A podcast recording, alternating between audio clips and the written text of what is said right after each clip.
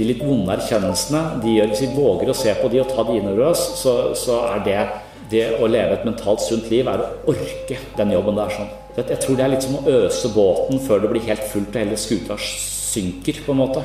Hvis jeg bare lar dette gå. Litt sånn som når kona mi sier Du, nå må vi snakke sammen. Da låser det seg inni meg. Og så tenker jeg helvete, kan vi ikke bare se på Netflix og drikke vin sånn som vi pleier? For det å snakke om det høres, det høres ut som det kan komme til å påvirke meg, at jeg kommer til å måtte føle veldig masse. At jeg fort kanskje kan bli sint. Og hvis jeg blir sint, så er det vanskelig å regulere meg selv ned. Det virker så slitsomt. Eh, og da er det lettere å unnvike det. Men nettopp det å gå og gjøre de vanskelige tingene og forstå de og gå i motsatt retning av det som er min naturlige tilbøyelighet, det tror jeg er å øse båten. Dere våger følelser, tørre følelser og stirre følelser i hvitøyet, på en måte. Eh, og kona mi er bedre på det enn det jeg selv er. Jeg er tilbøyelig til å unngå ting som er eh, vanskelig, litt konfliktsky.